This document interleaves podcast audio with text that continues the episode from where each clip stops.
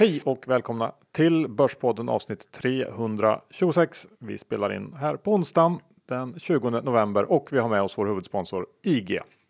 Ja, det är ju så att börsen har gått upp i 30 procent nu här i Sverige och hela världen har ju dragits med i det här rallyt så att det kan verkligen vara läge att se över eh, sina möjligheter till att eh, kunna blanka aktier. Eh, vi är ju kända som John Skogman och Dr. Bass. Du är ju en stor blankare på börsen. Vad tycker du man ska sikta in sig på? Ja, men så är det. Jag, jag gillar ju det och tycker att man ska försöka utnyttja de möjligheterna också och där har ju IG ett väldigt stort utbud och det är väldigt lätt att eh, eh ja, utföra blankning helt enkelt. Så att det ska man absolut inte missa. Nej, och eh, vill man inte committa hela portföljen till blankning så finns de här eh, Turbo 24 varianterna som är väldigt intressanta då man kan ta ett bett fast med en mindre summa pengar. Så jag tycker verkligen man ska gå in på ig.com och titta på det här webbinariet som Erik Hansén har så kan man lära sig mer om det. Så är det. Vad snackar vi om idag John? Ja, idag är det lite så mycket bättre känsla som jag har. Jag mår illa har vi ett stort segment av. Dessutom så har det varit lite små eh, bud på småbolag. Och eh, Johan, vad har du för kul? Ja, eh, jag tänkte väl framförallt ta upp eh, en, en intressant händelse som pågår just nu där jag tror att det kan finnas ett, ett bra läge.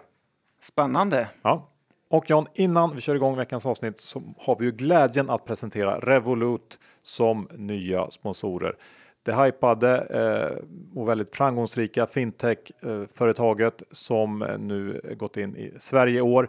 Eh, ni som inte känner till vad det här är, det är då en, ett kort kopplat till en app. Det är alltså ett betalkort Eh, I, I basic-versionen så är det helt gratis, men man får ändå ut massor av värde ur det, bland annat för den som reser mycket som vi gör. Så eh, lägger de inte på några växlingspåslag eh, när man handlar med kortet och man kan också ta ut ur bankomater utan avgifter. Det, bara det gör ju det värt att, eh, att eh, klicka hem ett sånt här kort. Ja, och använder man den här koden som du kommer ge dem nu Johan så får man ju den otroliga grejen att de sätter in 200 kronor på ens kort eh, som man kan handla med. Det är inga omsättningskrav eller eh, så. Eh, jag köpte fyra säckar ved på Byggmax så jag är väldigt nöjd. Tack för det Revolut.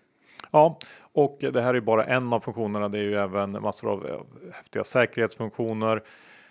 Du har möjlighet att handla aktier och eh, framförallt den här eh, globala Swish-funktionen är ju eh, revolutionerande den också. Så att det finns många anledningar till att skaffa ett Revolut-kort då jag har ett metallkort och är väldigt nöjda med våra eh, sådana.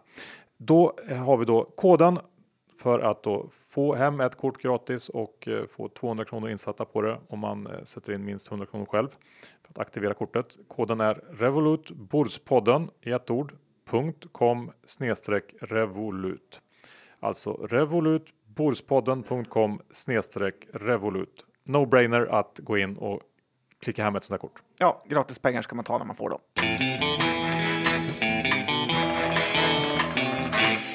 Johan Dr. Bass Isaksson index i 1730 och man börjar ana lite, lite sådär svaghet eh, på den annars extremt håsiga eh, börsen. Ja, men jag håller faktiskt med. Eh, jag är ju lite inne på nu att vi eh, ser början på en lite större rekyl, i alla fall 5, kanske 10% ner. Och eh, ja, men jag tror att det är dags nu helt enkelt. Jag ska, sa ju igår att nu, nu ska man blanka. Ja, jag tycker 5% är ingen jättekrasch. Det är två, tre börsdagar av dåligt eh, börsklimat. Ja, men så är det och du ser hur skadad jag blivit av den här långa håsperioden. Det är väl inte mycket mer än så jag, eh, jag, jag förväntar mig. Jag nöjer mig med lite helt enkelt. Ja, det brukar faktiskt vara så att innan julenisse-rallyt kommer så kan vi ha eh, riktigt eh, mycket svaghet även i början av december. Så var ju förra året. Ja, nej, men exakt. Och det var lite det jag också inne på att nu är rapportperioden över. Alla inriktade på någon slags julenisse-rally och eh, ja, men det är då det smäller till helt enkelt. Det skulle passa bra. Ja, det är svårt att få ett julenisse-rally kan jag tycka när börsen är upp nästan 30% på ett år. Det ska verkligen krämas ut det sista då, men det kanske händer det också. Men John, jag är lite nyfiken på det här att du mår illa. Vad, vad är den uh, kopplingen? Ja, men det är ju Så mycket bättre. Det här populära programmet på TV4 är igång och eh, jag tror det var Niklas Strömstedt eh, som gjorde om den här Magnus Uggla-låten eh, Jag mår illa. Eh, jag behöver, tycker jag, inte göra om den låten så mycket, för jag mår rätt illa nu när jag tänker på alla patetiska saker där ute i Sverige. Eh, vill du höra? Ja. Det ena är ju att jag mår illa över EBM och eh, Finansinspektionen. Eh, det ena är att när de inledde sin pinsamma utredning om att det var någon som hade insidertradat ihop 100 miljoner kronor i Acamdo-budet så sa du Johan direkt i podden här eh, att det är något helt orimligt i det. Det fanns inte ens så mycket aktier att köpa för att kunna göra en vinst på 100 miljoner. Och på alltså fem minuters jobb synade du ner dem. Men när de la ner sin utredning för att de inte kunde se att eh, något brott hade begåtts här då, så har de trots allt det häktat folk, de har härjat runt. Eh, eh, så tycker jag ändå att mainstream media skriver ingenting om hur inkompetenta de faktiskt är. Inte en rad och då har de eh, trakasserat eh, människor totalt felaktigt. Sen med också lite illa över hur ett litet researchteam på Uppdrag granskning Eh, kan vara så oändligt mycket bättre än den stora, stora mängd människor som jobbar på Finansinspektionen. Hur är det möjligt att Uppdrag granskning vet mer om våra banker än Finansinspektionen? Eh, det tycker jag är ofattbart eh, och hur bra de än är på Uppdrag granskning så måste ju FI som har insyn eh, som alla andra saknar vara steget före med sina resurser. Men nej, utan på FI där riggar man istället så att ledningen får toppjobb eh, på andra banker. Eh, en sista grej Johan, orkar du? Ja. Eh, bra, eh, är ju att det här med en halv man. Eh, boken som borde skaka Sveriges elit, eh, där en av Sveriges absolut högsta chefer eh, pekas ut som eh, psykopat, lögnare, insider infospridare eh, med mera. Och eh, jag har gjort lite research på det här och tagit reda på vem det är och eh, man äcklas ju lite över hur alla är så fake. Det här är alltså vdn för ett av Sveriges största bolag som av affärsvärlden då blivit utsedd till årets ledare, trots att de på galan här sa att de inte gjort ett enda misstag med tidigare eh, kandidater. Då. Eh, många ögonrullningar där kan jag säga att det var. Eh, det är alltså inte årets ledare utan en tidigare. Eh, jag vill inte säga exakt vem det är för att eh, det är lite sånt här man hittas död i joggingspåret eh, för. Eh, sen vet jag ju att styrelsen har pratat om det här, säger mina källor. Men istället för att göra något eh, så låter man det passera. Eh, trots all den bullshit man snackar om, om värdegrund och färdplaner och transparens. Eh, det de istället gör, det är att de försöker inte säga om det här stämmer, utan man ringer in krishanteraren JKL och det ska ju sägas att JKL har hjälpt den här vdn tidigare när han har haft olika insider trading problem med ett annat bolag. Och eh, jag vet inte vad JKL gör, men som de säger i USA, de får eh, saker go away. Eh, och man ska också säga att svensk media har skrivit upp den här vdn till skyarna, så att det blir pinsamt för dem också varit eh, så fel ute. Så här väljer man att tiga. Och eh, sist, men absolut inte minst, så mår jag lite illa när regeringen säger att de måste ge sig på gängens pengar samtidigt som de under nu en 5-10 årsperiod har EBM satsat alla sina resurser på att jaga småsparare. Ja, jag kan ju inte säga så mycket emot det här. Eh, rätt och riktigt tycker jag och det är väl tur att Börspodden finns då som kan lyfta fram sånt här. Ja, faktiskt, även om man får lida en hel del. Ja. Men du var lite inne där på underanalyserat kan man säga med tanke på all kraft som lagts på bankerna. Eh, hur är det med underanalyserade bolag egentligen? Ja, men nu har vi haft bud på AdCity Media och eh, Swedol här på inom en veckas tid eh, kan man säga. Och eh, det här är ju två bolag som verkligen varit underanalyserade och som nästan inga fonder äger utan mest eh, privatpersoner och eh, småsparare. Så här, det är allt snack eh, som man hör att det inte längre går att hitta några underanalyserade bolag är ju fel, för det kommer alltid att göra det. Och ett annat exempel på underanalyserat är ju det här Unlimited Travel Group Group eh, som idag eh, steg 33 procent eh, på sin rapport, nästan budpremienivå på det. Så gör man hemläxan på börsen så finns det groteskt mycket pengar att tjäna. Ja, jag skulle nästan säga att det känns som att det är lite eh, värdemaffians revansch nu på slutet med de här buden och även UTG får man väl säga kanske. Eh, och även att det är någon slags gyllene tid på ett sätt för stockpicking. Man kan ju alltid hävda det såklart. Men eh, jag tänker också att, att skillnaden nu eh, i värderingen av bolag som, som växer och går bra jämfört med de som har det tufft. Eh, den har nog aldrig varit större på något sätt och eh, viljan att belöna bolag som som eh, upplevs då vara av lite högre kvalitet med belöna dem med höga multiplar. Den viljan är ju enorm just nu så att det, ja, det lönar sig att göra det här lilla extra jobbet. Ja, och när förvaltare sitter på EFN och säger att bolag som Haldex underanalyserade så tror jag att de ja, har inte riktigt full koll. Så kan det vara.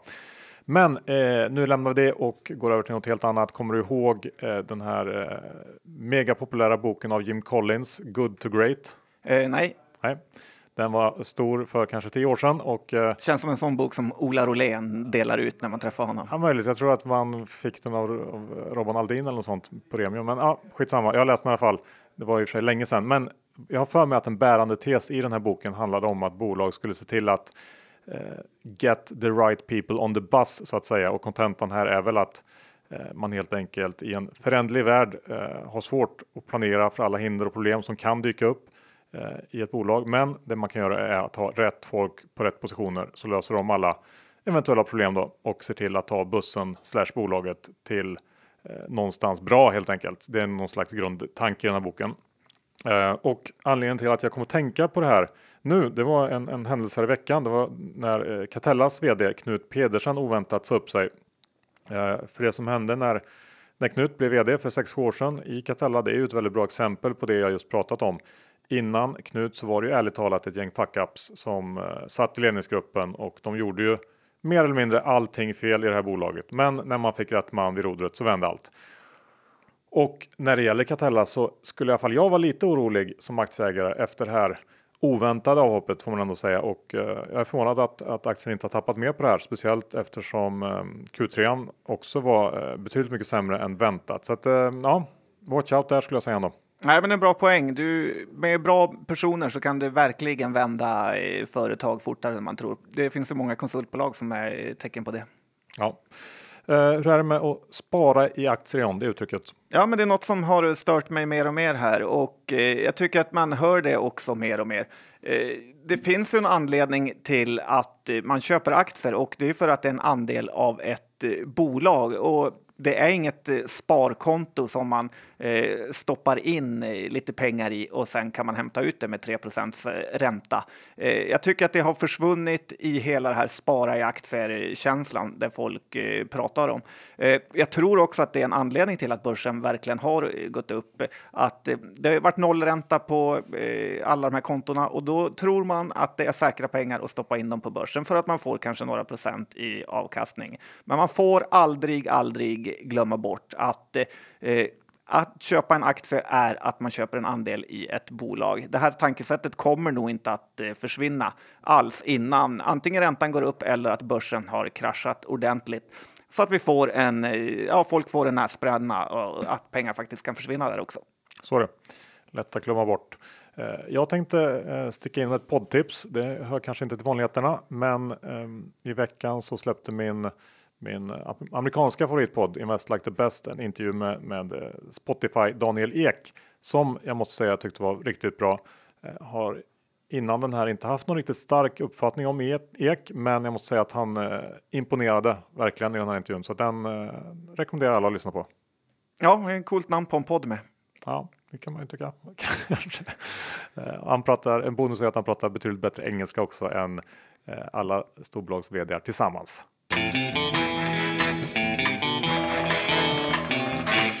Vi är sponsrade av Optionsplay.se. Det här är en ny gratistjänst från Nasdaq. Ett verktyg som hjälper dig att förstå optioner och de möjligheter till avkastning som optioner faktiskt ger. Optionsplay erbjuder också en hel del utbildning i form av webbinarier och eh, ja, tjänsten passar både nybörjare och mer avancerade användare. Och John, du har en liten eh, rolig anekdot när det gäller optioner. Ja, när jag var student eh, så hade jag just läst en bok om optioner och eh, började köpa Swedbank-optioner. Eh, sen gick den ner och de höll på att bli värdelösa. Sen la Swedbank ett bud på Hansa Bank och Swedbank-aktien gick upp som en raket några dagar. Och det var ju såklart bara tur, men det var knappt så jag kände igen det på när jag loggade in i den. Så det var en av faktiskt mina bästa affärer någonsin och procentuellt sett var det verkligen det. Ja, det här är ju ett sätt att använda optioner, spekulation. Eh, men det är ju eh, verkligen inte det enda. Eh, optioner är ju ett sätt att skapa avkastning i, i olika marknadslägen. Man kan skydda sin portfölj, man kan skapa avkastning i en stillastående marknad i form av exempelvis strategin covered call. Det är ju en enkel strategi där man kan ställa ut optioner på sitt aktieinnehav och det kan alltså skapa en bra avkastning även om aktien står mer eller mindre stilla helt enkelt sänka eller höja sin risk till den nivå man är ute efter. Och eh, hur gör man om man vill eh, ta del av den här tjänsten? John?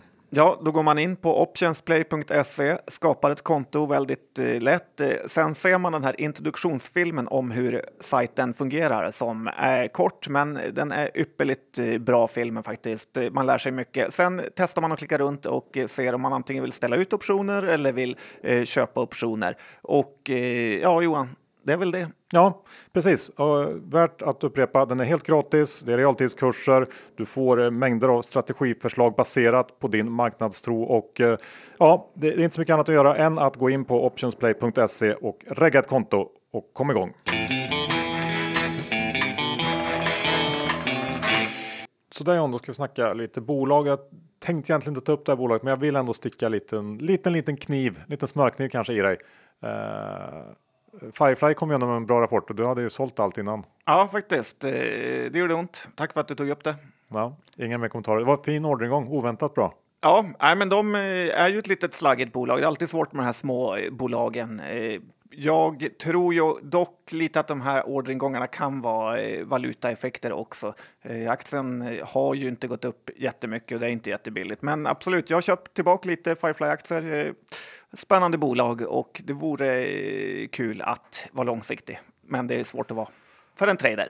Ja, det var egentligen allt jag ville ta upp där. Eh, Se om du blev lite ledsen, men det blev det inte. Så vi går vidare till någonting annat. Tigo eh, har ju varit lite av veckans eh, händelse. Ja, det är en spännande grej som händer där. Ja, alltså Tigo är ju då eh, Millicom. De har ju av någon konstig anledning eh, bytt namn på det här bolaget till Tigo och eh, jag har gen- ganska länge gillat Millicom slash Tigo då, eh, men och, och liksom ägt aktien från och till under de senaste, senaste åren, men det har ju inte riktigt lossnat och det beror väl till stor del på eh, att man har haft någon slags emerging markets motvind Eh, med liksom valutor som, som rör sig åt fel håll och eh, svag konjunkturell utveckling på en del av, av de här marknaderna man är inne på. Men lyfter man blicken då så finns ju fundamenta på plats när det gäller till exempel makro, eh, demografi och så vidare. Man har en växande medelklass som kan lägga mer och mer pengar på den här typen av tjänster och det liksom driver ju ändå på något sätt efterfrågan på Tigos tjänster och mer konkret handlar det här då om att de eh, vill växa genom att addera fler och fler abonnemangskunder inom 4G och bredband. Kollar man på penetrationsgraden eh, så ligger den långt under 50% för både mobilt och fast bredband på i princip alla marknader som Tigo är inne i.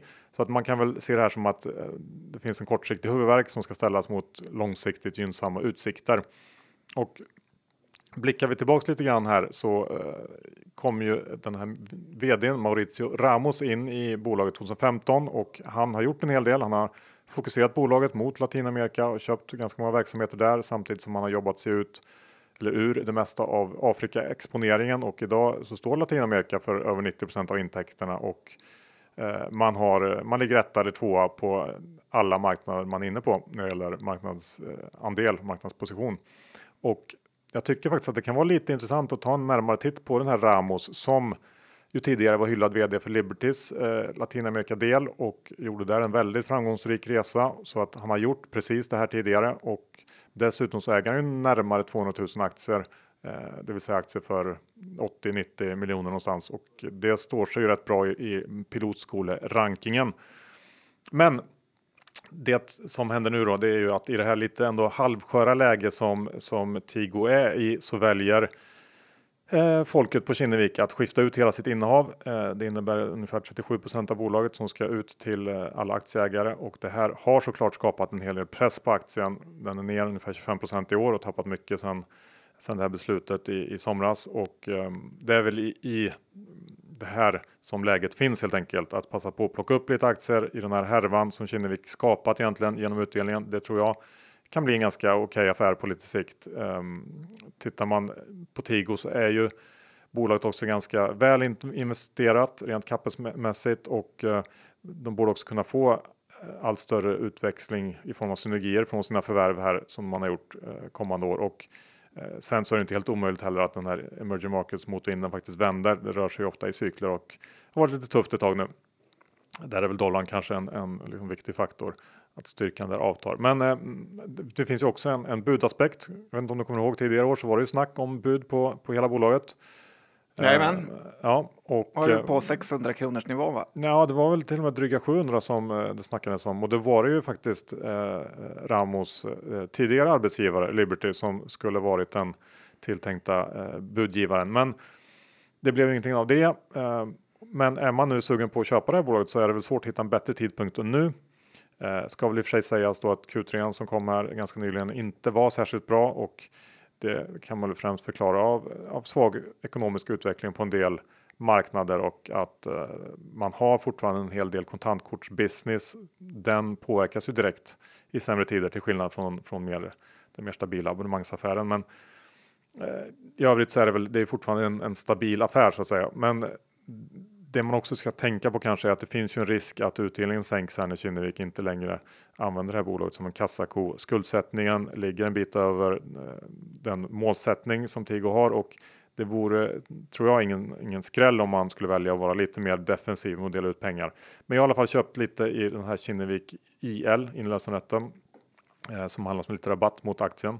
Eh, sen är det väldigt svårt att timingmässigt bedöma hur alla olika aktörer som fått sådana här rätter kommer att göra med, eh, med de här. Vilka vill behålla sina Tigo-aktier, vilka vill vräka ut dem och gör man det i början eller slutet av en sån här eh, handelsperiod. Det är omöjligt att säga, men min plan är väl att köpa lite då och då. Nu har den studsat upp lite från den första dagen där den såg ut att bottna, men vi får se om det, om det kommer att vara så.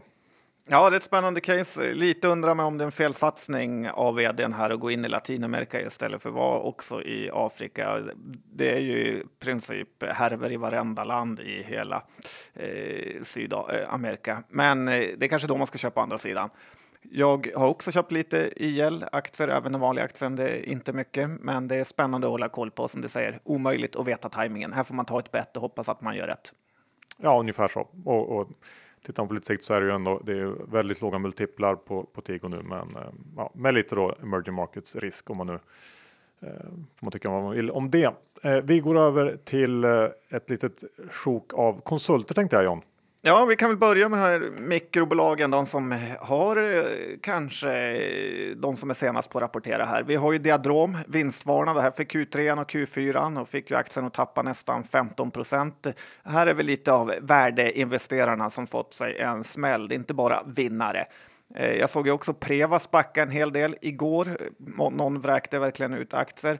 Och jag tror man ska vara lite försiktig vad gäller konsultbolagen här inför Q4 också, för det är en så kallad riktig arbetarjul. Väldigt många röda dagar. Julafton är på en tisdag, juldagen på en onsdag, annandagen en torsdag och eh, ja, sett till alla semester då förmodligen på måndag och eh, fredag här. Så att eh, eh många dagar i år går bort. Eh, vi har ju sett vad påskeffekten gör. Det kan vara liknande effekt här. jag har själv valt att vara försiktig när det gäller konsulter inför Q4 och skulle inte våga ladda på.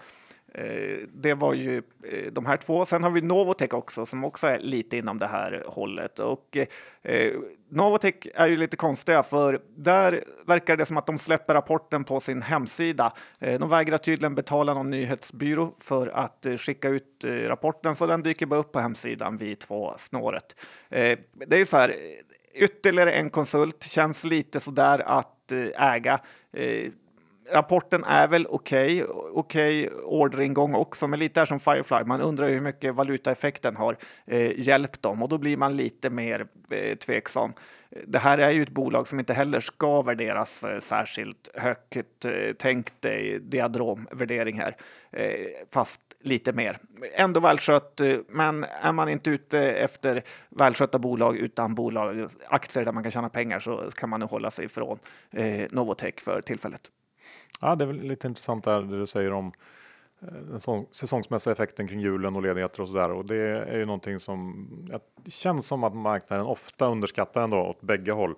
Eh, så det kan ju verkligen vara värt att ta med sig. Jag har för, att det, för mig att det är lika många arbetsdagar här Q4 som förra årets, men att det ligger lite mer semestervänligt i år eh, som ändå gör att jag tror det kommer falla bort många dagar. Mm, det är inte alls omöjligt.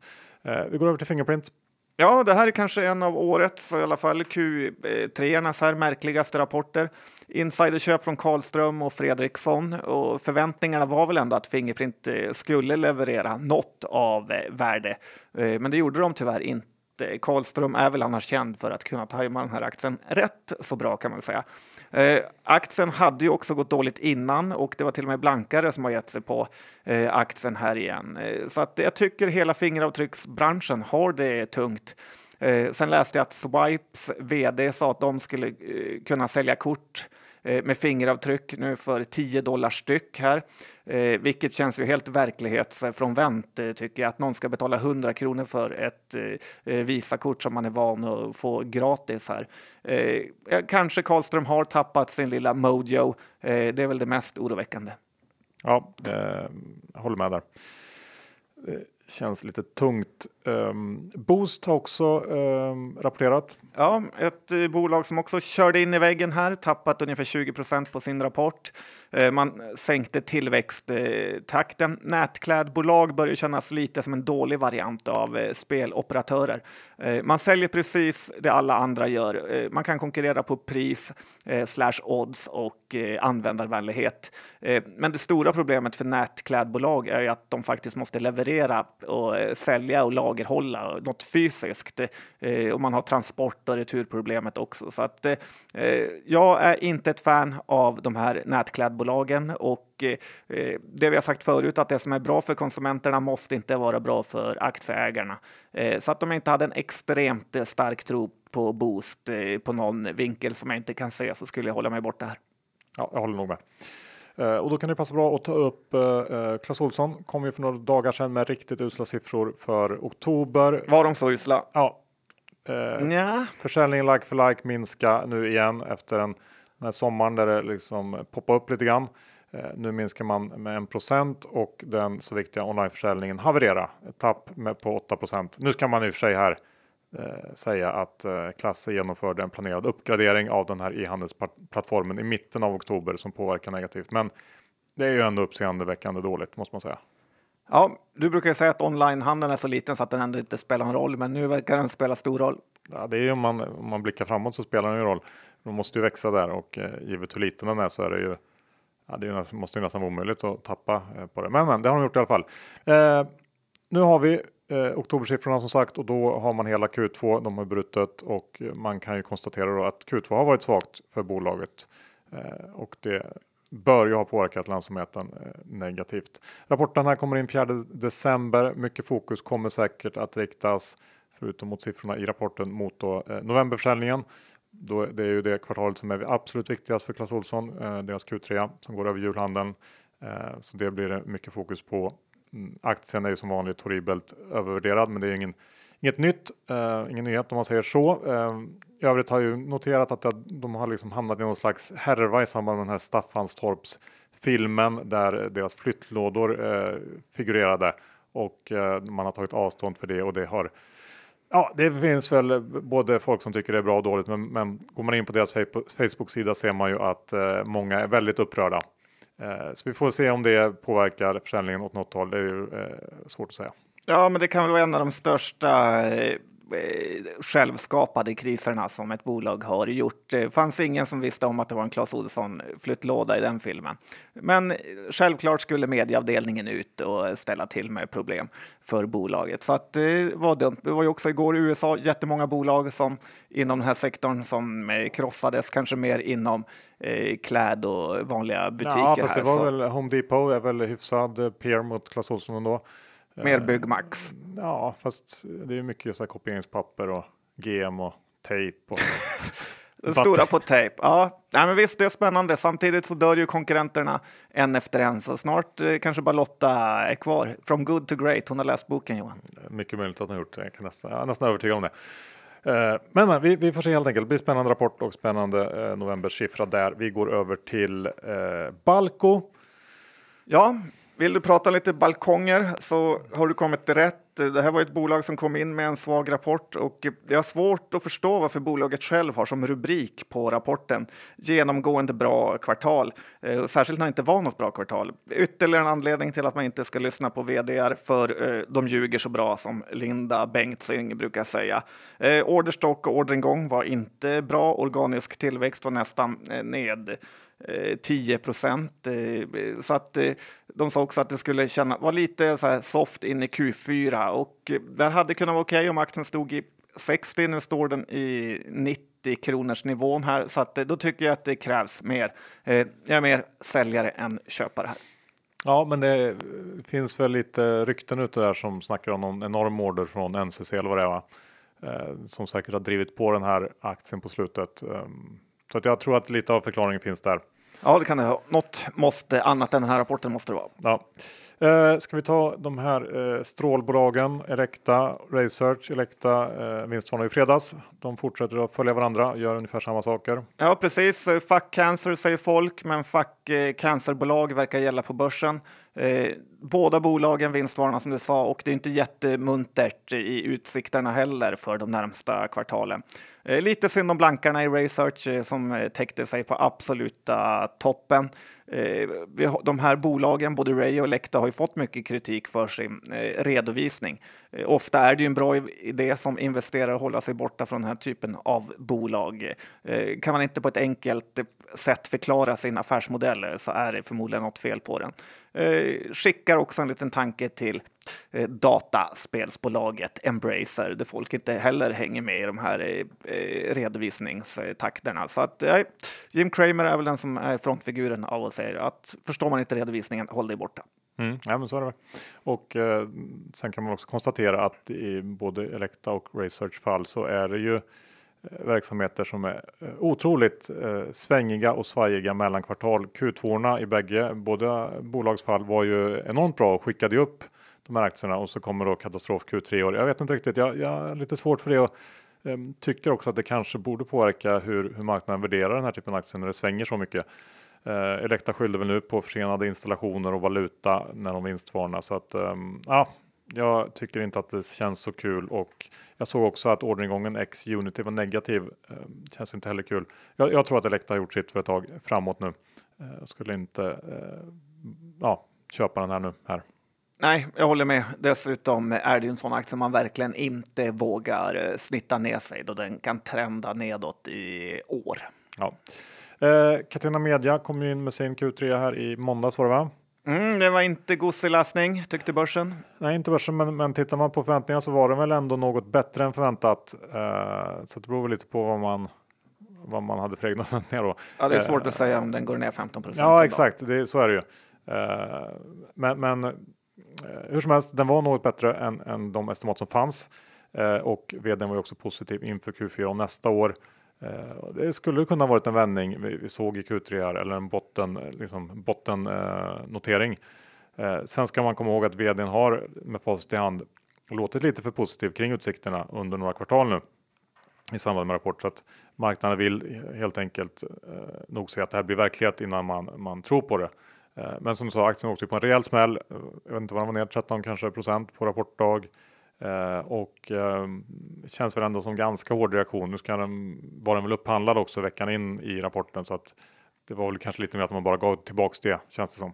Ja, personligen jag tycker att det här är ett av börsens absolut eh, sämsta bolag. Eh, de skyllde på grejer som att det varit fotbolls-VM, vilket är väldigt eh, förra året, då, vilket är väldigt konstigt när man är ett kasinobolag. Eh, det är jättestora tapp på net deposit. Eh, eh, delen där, det finns inte mycket att glädjas över här, förutom att den har blivit väldigt mycket billigare. ja, grundarna har sålt. nej, de har mycket att bevisa. Bodenholm Per Johansson får verkligen styra upp ledningen om eh, han ska få tillbaka lite pengar här. Jo, så, så är det väl. Eh, men tittar man framåt så finns det väl lite också ljusglimtar i att kompsen kommer ju faktiskt börja bli betydligt enklare nu så att det, det, det kommer ju se bättre ut när man rapporterar framöver. Eh, men vi lämnar det och går över till eh, Recifarm som slog till med ett nytt eh, förvärv. Vi pratade om det förra veckan att eh, förvärv var kanske det som krävdes. Ja, och eh, då sa du att det behövs för att få upp kursen. Det blev ju precis tvärtom, för de här gubbarna på Recifarm har ju storhetsvansinne. Eh, direkt det går lite bättre för dem så måste de köpa ett eh, jättebolag och göra en eh, stor nyemission. Eh, det går ju inte att vara aktieägare i sådana här bolag eh, för att eh, eh, man måste hela tiden skjuta in mer pengar. Man vill ha pengar av bolaget, inte att man ska behöva ge dem mer. Eh, det känns som att de här gubbarna jobbar på någon tradingfirma eh, där de verkligen vill bygga ett jättebolag jag tyckte dessutom att det förvärvet såg ganska dyrt ut och finansierade med nyemission är ju verkligen inte krispigt. Så att det här är ju inte Buffett-style får man säga. Eh, jag håller mig definitivt borta till kanske kursen har gått ner och nyemissionsgrejerna är klara. Ja, jag tror nog att det är ett eh, bra förvärv. Verkar som det när man läser om det. Jag tror faktiskt till skillnad från mig att det är nog helt rätt där. Sen så eh, det är klart när det blir en så här stor nyemission så, så sätter det press såklart. Men eh, jag gissar att kursen kommer att repa sig ändå givet att det här går igenom. Eh, vi får se. Men, eh, Nej, men det är bra att det rör sig för då är det läge för alla eh, traders. Yes, ska vi avsluta med Oasmia, eh, kanske ett av börsens sämsta bolag? Ja, men precis. 11 000 aktieägare bara på Avanza låter sig bli förnedrade eh, av ledningen i Oasmia. Nu är det nyemission på 2 kronor och eh, i det här senaste memorandumet eller prospektet så vet de inte riktigt ens när eh, sitt preparat eh, ska lanseras. Aktien tappade 15 procent igår. Det är alltid imponerande att se hur skräpbolag kan locka så mycket folk att eh, vilja investera sina hårt eh, förtjänta pengar. År efter år pumpas eh, eh det in mer pengar som inte leder till någonting annat än eh, förlustavdrag.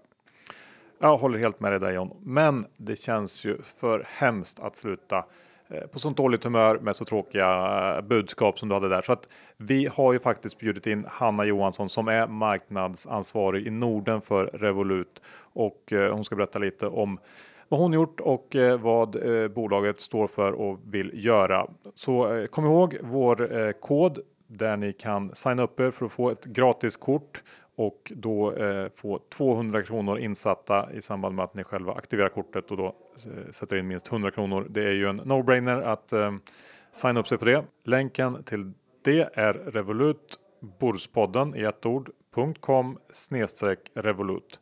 Alltså revolutbörspodden.com snedstreck Revolut. Eh, välkommen till Börspodden Hanna. Tack så mycket. Så kul att vara här. Ja, men kul att du vill komma hit och berätta lite mer om Revolut. Um, var ska vi börja, börja John? Ja, du kan väl eh, börja med att berätta lite om dig själv och ditt eh, företag. Yes, så Hanna Johansson heter jag, eh, jobbar som community manager Norden eller marknadsföringsansvarig för Norden eh, på Revolut. Eh, jag startade i februari 2019 eh, och var egentligen första anställda på plats i Sverige.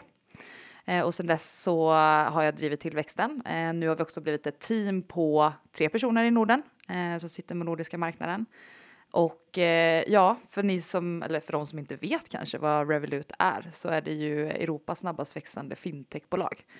Så det är egentligen ett kort kopplat till en app eh, där du kan skicka och spendera pengar utomlands, utomlands utan några avgifter. Eh, men sen har du även andra funktioner i appen såsom automatiskt sparande, eh, växla kryptovalutor, försäkringar eh, och så vidare. Men, men, du kan väl berätta lite mer om eh, själva tanken bakom Revolut? För er grundare Nikolaj Stronsky drog väl igång eh, det här med tanken att eh, på något sätt revolutionera finansbranschen?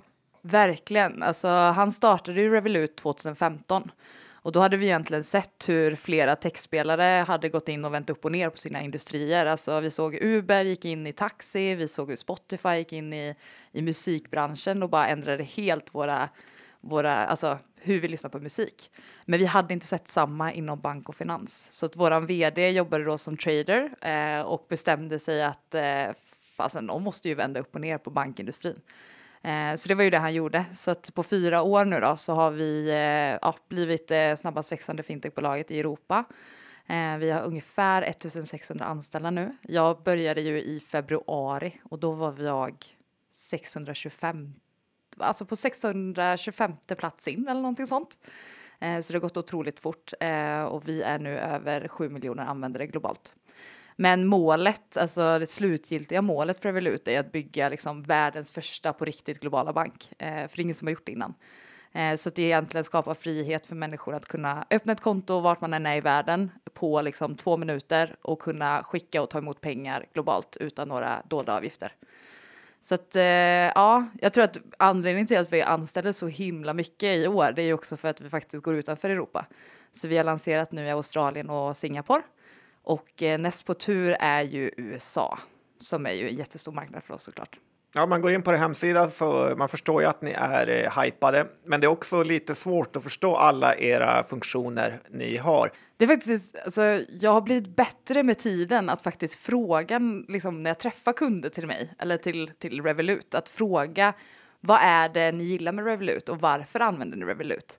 Eh, och den, det svaret jag oftast får det är två grejer. Det är ett, smidigheten och två, att alla är fascinerade att man kan göra allting på en och samma plats.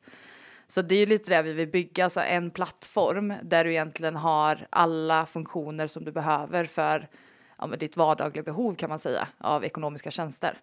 Så att exempelvis då så självklart har vi att du kan då, du fyller ju på ditt kort från ett vanligt bankkort, alltså om det är Handelsbanken, och eller vilket du har. Och sen så kan du spendera kort, alltså med kortet i butiker och sådär. Men i appen så har du även saker så som ja, men global swishfunktion, alltså att du kan skicka direkt till alla revolutare i världen. Men sen även tilläggstjänster så som försäkring som du kan lägga till per dag för en pund liksom när du är utomlands. Eh, men du har även eh, flygplatslounger om du har vår premium och metalltjänst. Eh, och sen så för några månader sedan så släppte vi ju en ganska stor grej som är den courtagefria aktiehandeln på den amerikanska börsen. Vilket såklart var jättestort i, i Sverige också, speciellt bland då våra metallanvändare som det faktiskt vänder sig till eh, vid ett första skede. Eh, så den är superpopulär. Ja, berätta lite om den. Vad är det? Robin Hood har man hört talas om i USA. Yes. Det här är något liknande då, eller? Vad? Ja men precis, alltså vi märkte ju på något sätt att okej, okay, men precis på samma sätt som det ska vara enkelt att skicka pengar eller enkelt att spara eller vad du nu behöver göra eller som när vi också liksom öppna upp för kryptovalutor i appen i och med att du kan då växla mellan fem olika kryptovalutor. Det är också en ytterligare en grej. Och anledningen till att vi implementerade det var ju för att vi våra kunder upplevde det väldigt svårt eh, att komma åt krypto.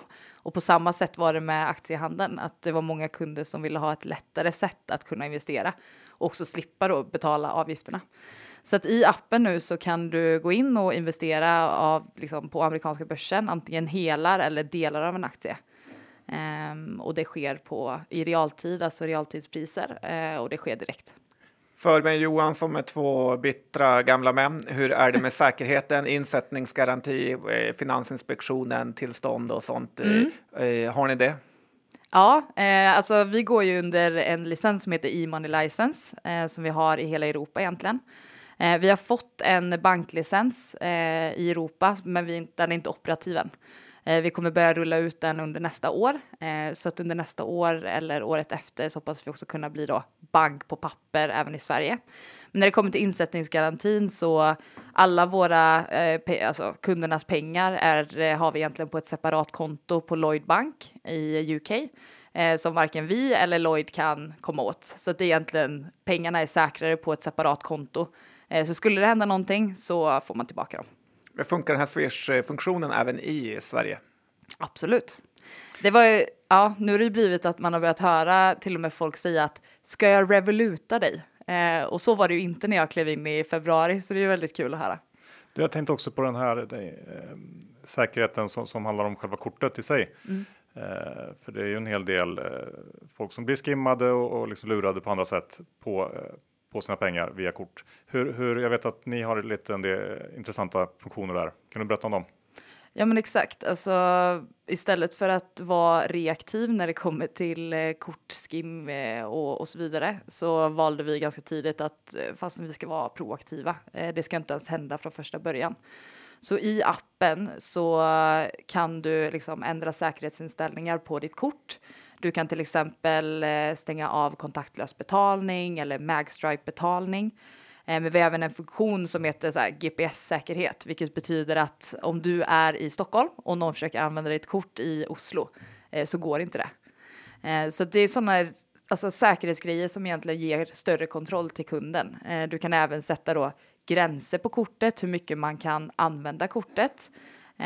Du kan även då frysa och frysa upp kortet direkt i appen. Så om man har tappat bort det och inte hittar det, men sen hittar det senare så kan man liksom låsa det och när man har hittat det kan man låsa upp det.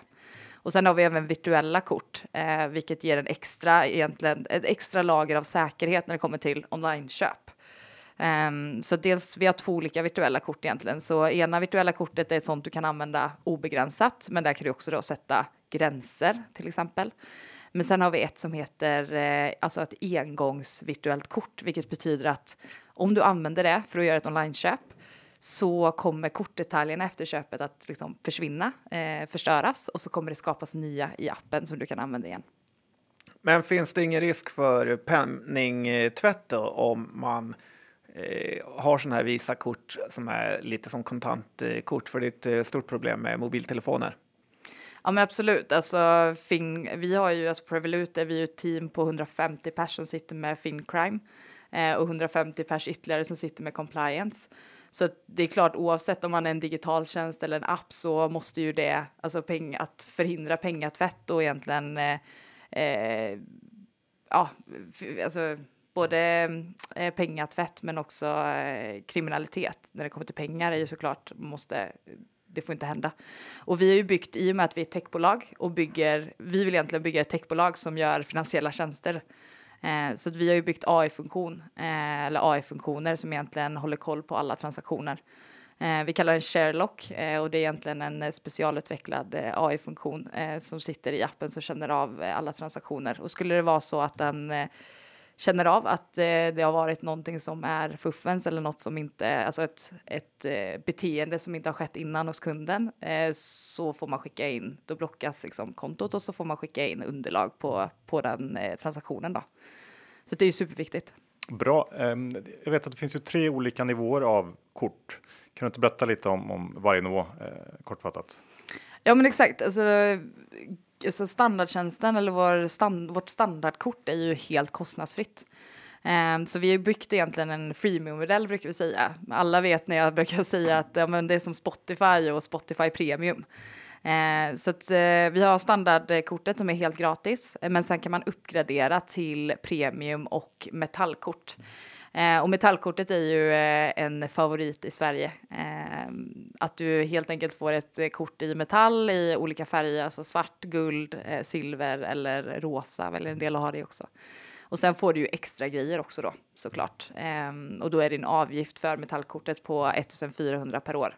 Men det som tillkommer då om man jämför med standarderbjudandet eller standardplanen det är till exempel reseförsäkring resförsäkring utomlands som ingår. Eh, cashback, alltså du får på varje köp så får du 0,1 procent tillbaka och är du utanför EU så får du 1 procent. Eh, du får också tillgång till flygplatslounger så du kan boka flygplatslounger direkt i appen och du får även en gratis per år. Eh, sen har du concierge service. Eh, ska du till Barcelona och behöver eh, biljetter till eh, fotbollsmatchen eller vad du nu vill göra så kan du skriva att Hej, jag vill ha biljetter, kan ni hjälpa mig? Och så får du tre olika alternativ och så kan då vår concierge-service hjälpa att boka eh, åt dig och skicka bekräftelsen. Vilken funktion använder du mest eh, själv med det här kortet? Eh, bra fråga, eh, men jag använder eh, Apple Pay, älskar jag, för att jag kan koppla liksom, kortet till Apple Pay. Eh, så jag hela tiden betalar med telefonen, den funktionen älskar jag. Eh, sen eh, automatiskt sparande använder jag också väldigt mycket. Alltså varje gång jag gör ett köp så har jag ställt in på appen att jag eh, sparar mina växelpengar eh, i ett liksom valv heter det eh, i appen. Vilket betyder att eh, som sagt köper jag någon, typ en latte för 35 så rundar appen upp mitt köp till 40 och så sparar jag 5 spänn. Så det är mina två favoriter. Eh, men sen skulle jag säga att Alltså Revolut, alltså globala Swish-funktionen har jag nästan börjat gilla mer än, än Swish i sig i Sverige. Så att nu för tiden så revolutar jag mina, eh, mina kompisar istället för att man kan lägga till GIFs och lite texter och sådär. Men de är kul. tvungna att ha, ha Revolut också? Ja. Jag tänker, hur tjänar ert eh, företag pengar? Det är ju framförallt på alltså, ab abonnemangen. Sen samarbetar vi ju med, alltså alla kort är ju kopplat till Visa eller Mastercard. Eh, så att vi får ju vid varje kortköp så får vi lite tillbaka från köpen där. Sen har vi också en annan, alltså vi jobbar ju mot privatpersoner, men sen har vi även Revolut for Business, alltså ett företagskonto som vi egentligen startade 2018. Eh, och där är det precis på samma sätt att vi har olika abonnemang egentligen, alltså olika planer eh, som går allt ifrån 0 kronor per månad till 100 pund per månad beroende på vad hur stort bolaget är och hur mycket man vill använda det helt enkelt. Hanna, man hatar ju storbankerna för att de tar 40 kronor minst av en plus valutapåslag när man tar ut eh, pengar utomlands. Men där kan ni hjälpa till lite, eller hur? Ja, men det stämmer. Eh, alltså med eh, Revolut-kortet så har vi inga dolda valutapåslag utomlands egentligen. Så på veckodagarna så har vi 0 eh, i valutapåslag. På helgerna har vi 1 men då har vi ju en funktion i appen att du kan växla valutor eh, och egentligen ha flera olika valutakonton i appen. Så att eh, ska du till Paris över helgen eh, och behöver euro eh, och du vet att du kommer spendera under helgen så kan du växla till euro redan på fredagen då när vi har 0% valutapåslag och så spendera i euro under hela helgen. Och sen uttagningsavgifterna har vi också eh, liksom tagit bort. Eh, så att om du är standardanvändare till exempel så har du fria uttag upp till 2000 kronor per månad. Men sen är det också enklare, alltså från början när Revolut lanserades så var det att vi vill skapa en global frihet med pengar som inte finns idag. Eh, så bara, bara enkla grejer också, att eh, tappar du bort ditt kort när du är utomlands till exempel så får istället för att behöva liksom sitta i kö, vänta, liksom lyssna på någon eh, operasång och komma fram till banken, spärra det och så få svaret att men, vi kan skicka hem ett till dig. Och man bara, men jag är ju i Thailand liksom. Eh, så kan man faktiskt i appen då få expressleverans dit man är istället av ett nytt kort på bara ett par dagar, vilket såklart är guld. Eh, men sen också globala swishfunktionen, alltså hur många gånger har man inte hamnat i en eh, situation när man har suttit med en tysk och någon spanjor och så på en liksom, företagsresa och bara efter en middag suttit och kliat sig i huvudet hur man ska kunna dela upp notan. Men att enkelt kunna göra det i appen i den valutan som man faktiskt har betalat i är ju supersmidigt. Grymt. Eh, Hanna, stort tack för att du kom förbi eh, och snackade lite om Revolut här för Börspoddens lyssnare. Tack så mycket.